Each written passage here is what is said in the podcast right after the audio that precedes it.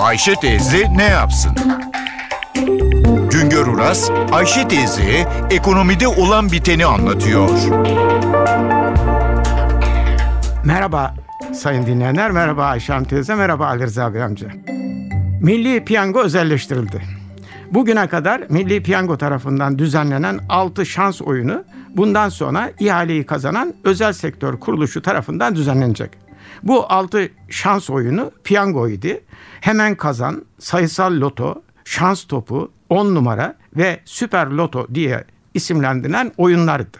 İhale şartnamesine göre bu ihaleyi kazanan işletmeci kuruluş 6 şans oyununa ek olarak yeni oyunlar da düzenleyebilecek. Böylece şans oyunu pazarı büyütülecek. Milli Piyango Türkiye'de şans oyunları pazarında faaliyet gösteren tek kuruluş değildi. İki büyük kuruluş daha var. Spor Toto'dan alınan imtiyaz ile iddia oynatılıyor. Jockey Kulübü at yarışları düzenliyor.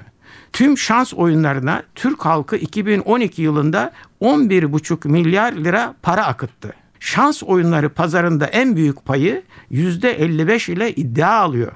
%25 ile at yarışlarının payı var. Milli Piyango'nun payı ise %20 dolayında. Milli Piyango'yu işletecek özel sektör kuruluşu yeni oyunlarla pazarı büyütecek. Şans oyunlarında vergi alacak olan maliye için şans oyunları pazarının büyümesi iyi bir şeydir. Geliniz görünüz ki şans oyunu pazarına halkın cebinden aktarılacak para halkın gelirindeki artıştan büyük olur ise aile bütçelerine yük getirir ise sosyal sorunlara neden olabilir. Bu nedenle şans oyunları pazarının büyümesi sosyal bakımdan üzerinde dikkatle durulması gereken bir gelişmedir.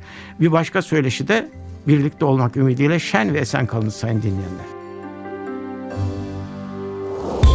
Güngör Uras'a sormak istediklerinizi ntvradio.com.tr adresine yazabilirsiniz.